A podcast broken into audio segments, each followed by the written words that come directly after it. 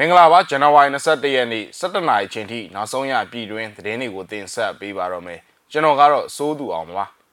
ပင်လယ်ဘူးမြို့ပေါ်ကရဲစခန်းနဲ့စစ်ကောင်စီတပ်စခန်းကို PDF ကဝင်ရောက်တိုက်ခိုက်ခဲ့ပါတယ်စစ်ရေးအရာလေးရင်မပြန့်တိုင်းရဆုံးကြီးညာပေးဖို့တိုင်းရင်းသားလက်နက်ကင်သုံးဘွဲကပူးတွဲတောင်းဆိုလိုက်ပါတယ်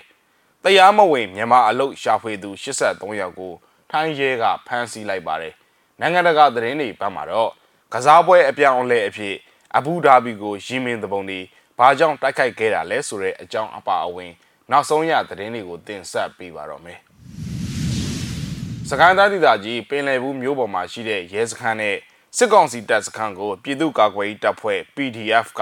ဝင်ရောက်တိုက်ခိုက်ခဲ့ပြီးစစ်သား6ယောက်ကိုအရှင်ဖမ်းမိကလက်နက်ခဲယမ်းတွေလည်းတင်စီရမိကြောင်း UNG ကာကွယ်ရေးဝန်ကြီးဌာနကသတင်းထုတ်ပြန်ပါတယ်။ဇန်နဝါရီ18ရက်နေ့မနက်3:45မိနစ်အချိန်ပ င်လယ်ဘူးမြို့ပေါ်ရဲစခန်းနဲ့စစ်ကောင်စီတပ်စခန်းရိတ်တာကုန်းတို့ကို PDF ကဝင်ရောက်တိုက်ခိုက်လိုက်တာပါတိုက်ပွဲမှာစစ်ကောင်စီတပ်သားအများအပြားသေဆုံးထိခိုက်ဒဏ်ရာရရှိကြောင်းနဲ့ PDF ဘက်ကတအူးကြဆုံးက၈ဦးဒဏ်ရာရရှိခဲ့ကြောင်းသိရပါတယ်အသေးစိတ်အခြေအနေအချက်လက်တွေကိုတော့မြစည်းမကဆက်လက်စုံစမ်းနေတုန်းဖြစ်ပါတယ်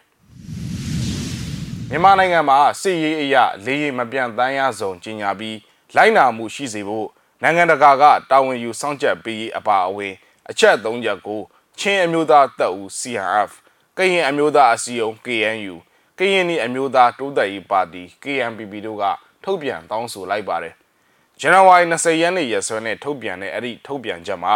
နိုင်ငံတကာအာမခံမှုနဲ့အကြက်သားပြည်သူတွေကိုအကာအကွယ်ပေးရတဲ့လုံခြုံတဲ့နေရာတွေသတ်မှတ်ပေးဖို့စစ်ဆောင်စခန်းစေးရုံစေကန်းနဲ့စာသင်ကျောင်းကဲ့သို့နေရာတွေကို တိတိကျကျသတ်မှတ်ကြေညာပေးဖို့ရေးသားထားပါတယ်။နိုင်ငံတကာအတိုင်းအတာနဲ့ညှိနှိုင်းထားတဲ့လူသားချင်းစာနာထောက်ထားမှုဆိုင်ရာလမ်းကြောင်းတွေကိုကြေညာပြီးအဲ့ဒီနေရာကနေတဆင့်နေဆက်ဖြတ်ကျော်ပြီးဒါမှမဟုတ်နိုင်ငံတွင်းအဓိကကျတဲ့နေရာတွေကနေတဆင့်အခုအညီပေးအဖွဲ့အစည်းတွေနဲ့အလိုအဆုံးနေရာတွေကိုတွားရောက်ထောက်ပံ့ကူညီပေးဖို့အချက်၃ချက်ကိုတောင်းဆိုခဲ့တာဖြစ်ပါတယ်။မြန်မာနိုင်ငံအတွင်းပိုင်းမှာရှိတဲ့ချင်းကချင်ကရင်ကရင်နီ ရှမ်းစကိုင်းနဲ့မကွေးဒေသကပြည်သူတွေဟာလူသားချင်းစာနာထောက်ထားမှုအကူအညီတွေကိုအရေးတကြီးလိုအပ်နေတယ်လို့လည်းဆိုပါတယ်။အာနာသိမ်းပြီးနောက်ပိုင်းစစ်တပ်ကကျူးလွန်ခဲ့တဲ့အကြမ်းဖက်မှုတွေကိုလည်းရှုံချလိုက်ပြီးကုလအထူးကိုယ်စားလှယ်ကနေအဆိုပြုတဲ့လူသားချင်းစာနာထောက်ထားမှုအကူအညီပေးရရေးချင်းကပ်မှုကိုလည်း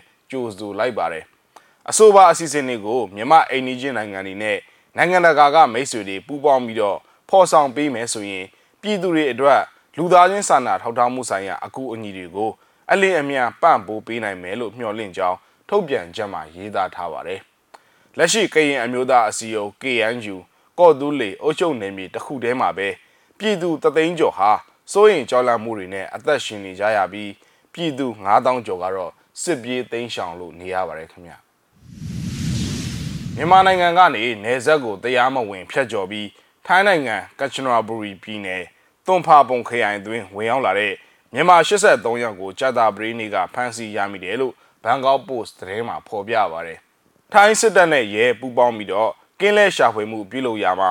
ဝါစီယာလောင်ကွန်းရေကာဒါနာဥမင်လိုင်းတစ်ခုမှာပုံအောင်နေတဲ့အမျိုးသား60ဦးနဲ့အမျိုးသမီး23ဦးတို့ကိုတွေ့ရှိခဲ့တာဖြစ်ကြောင်းသွန်ဖာပုံအကြီးအကဲရဲမှုကဆိုပါတယ်။အဲ့ဒီနောက်မှာတော့စစ်ကြောမေးမြန်းဖို့ထရကားဆယ်စီးနဲ့ သွန်ဖာပုံရဲစခန်းကိုခေါ်ဆောင်သွားကြောင်းသိရပါတယ်။အခုနေဆက်ဖြတ်ကျော်လာသူတွေဟာဖះသုံးစုမော်လမြိုင်ရန်ကုန်ပဲခူးနဲ့တဝယ်တို့ကဖြစ်ကြပြီးတော့စမုတ်စခွန်ရချာဘူရီကချနာဘူရီနဲ့ဘန်ကောက်တို့မှာအလုတ်လုတ်ကင်ဖို့ထိုင်းနိုင်ငံတဲကိုဝင်ရောက်ခဲ့ကြတာလို့သိရပါတယ်။အလုတ်ပွဲစားတွေကိုလည်းတဦးကိုထိုင်းဘတ်ငွေ1000ကနေ2000ခွဲအထိပေးခဲ့ရတယ်လို့ဆိုပါတယ်။အဆိုပါတရားမဝင်ရွှေ့ပြောင်းမြန်မာလူသမားတွေကိုဥပဒေအရအရေးယူဖို့ ရဲဌာနကိုလက်လွဲခဲ့ပြီးပြည်နှင်တံပေးမှဖြစ်တယ်လို့လည်းထိုင်းအာဏာပိုင်တွေကပြောဆိုထားပါတယ်ခင်ဗျ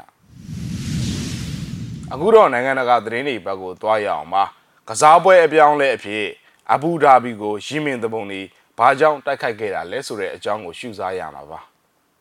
လူပေါင်းရာနဲ့ချီအသက်ဆုံးရှုံးခဲ့ရတဲ့ခုနှစ်နှစ်ကြာပြည်တွင်းစစ်ရဲ့အချိုးအကွေတစ်ခုအဖြစ်ယီမင်ကဟူဒီတပုံတွေရဲ့ RS စော်ဘွားများပြည်ထောင်စုကို January လ18ရက်တနင်္လာနေ့ကမောင်းသူမဲ့လေယာဉ်ကနေဒုံးကျည်တွေနဲ့ပစ်ခတ်တိုက်ခိုက်ခဲ့ပါတယ်။ရေနံကုမ္ပဏီ Adnos ရဲ့တိုးလောင်ရုံအနီးမှာလောက်စားစီတိုက်ကီတစ်ခုပောက်ကွဲခဲ့ပြီးအိန္ဒိယနိုင်ငံသား2ဦးနဲ့ပါကစ္စတန်နိုင်ငံသား2ဦးသေဆုံးခဲ့တယ်လို့အဘူဒါဘီလေဆိပ်ရဲ့ဆောက်လုပ်ရေး area ကိုပါမီးကူးဆက်လောင်ကျွမ်းခဲ့ပါတယ်။ ယီမင်ရဲ့အီရန်ကြောတောင်နောက်ခံပြုဟူသီတပုံများရဲ့တင်ကြတာဖြစ်တဲ့ဒရုန်းများအသုံးပြုတိုက်ခိုက်မှုအဖြစ်အကင်းဖြစ်ပွားရာနေရာတွေမှာတေးငယ်တဲ့ပြန်တမ်းမှုပစ္စည်းတွေကိုတွေ့ရှိခဲ့ရတယ်လို့ရဲတပ်ဖွဲ့ကဆိုပါတယ်။ တပုံတွေကတိုက်ခိုက်မှုကိုမိမိတို့လက်ချက်ဖြစ်ကြောင်းနောက်ပိုင်းမှာပြောကြားခဲ့ပြီးနောက်ထပ်တိုက်ခိုက်မှုတွေအတွက်အရေးကြီးနေရာတွေကနေဝေးဝေးနေကြဖို့ UAE မှာနေထိုင်သူတွေကိုတတိပေးထားပါတယ်။ UAE ဟာ2015ခုနှစ်ကတည်းကတပုံတွေကိုတိုက်ခိုက်နေတဲ့ Saudi ဥဆောင်သောညွန်ပေါင်းအဖွဲ့ရဲ့အဖွဲ့ဝင်ဖြစ်ပြီး2019ခုနှစ်မှာယီမင်ကတပ်ဖွဲ့ဝင်တွေကိုရုပ်သိမ်းခဲ့ကြောင်း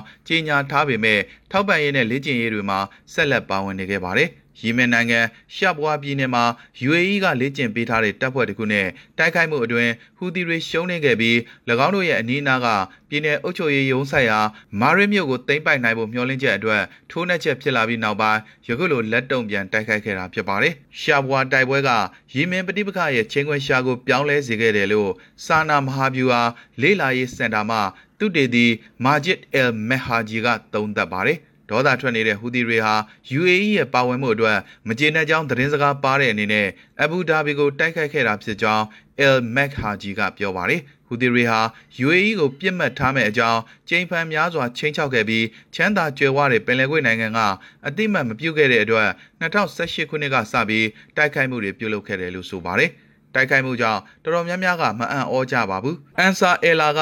UAE ကိုပြစ်မှတ်ထားဖို့ထက်ခါတလဲလဲသတိပေးထားပြီးဒီနေ့မှာတော့အဲ့ဒီဂရိအတိုင်းလှုပ်ဆောင်ခဲ့တာဖြစ်တယ်လို့ဟူသီလှုပ်ရှားမှုအဖွဲ့နာဘန်ဒီရဲ့ယီမင်ကျွမ်းကျင်သူမိုဟာမက်အယ်ဘာရှာကဆိုပါတယ်။ဟူသီတို့ဟာ UAE အလန်ဒန်သင်္ဘောတစ်စင်းနဲ့၎င်းရဲ့နိုင်ငံတကာအမှုတန်းတွေကိုပင်လယ်နီအတွင်းမှာစစ်လက်နက်ပစ္စည်းတွေတည်ဆောင်လာတယ်လို့ဆွဆွဲဖမ်းဆီးခဲ့ပြီးသတင်းနှစ်ပတ်အကြာမှာယခုတိုက်ခိုက်မှုဖြစ်ပွားခဲ့ခြင်းဖြစ်ပါတယ်။ မြစည်းမရဲ့သတင်းအစီအစဉ်ကိုဒီမှာခဏရင်နာကြပါတယ်ကြည့်ရှုခဲ့ကြတဲ့မိဘပြည်သူသူချင်းစီကိုကျေးဇူးအထူးပဲတင်ရှိပါတယ်ကျွန်တော်တို့သတင်းနဲ့အတူတူပြန်ဆောင်ကြပါဦးမယ်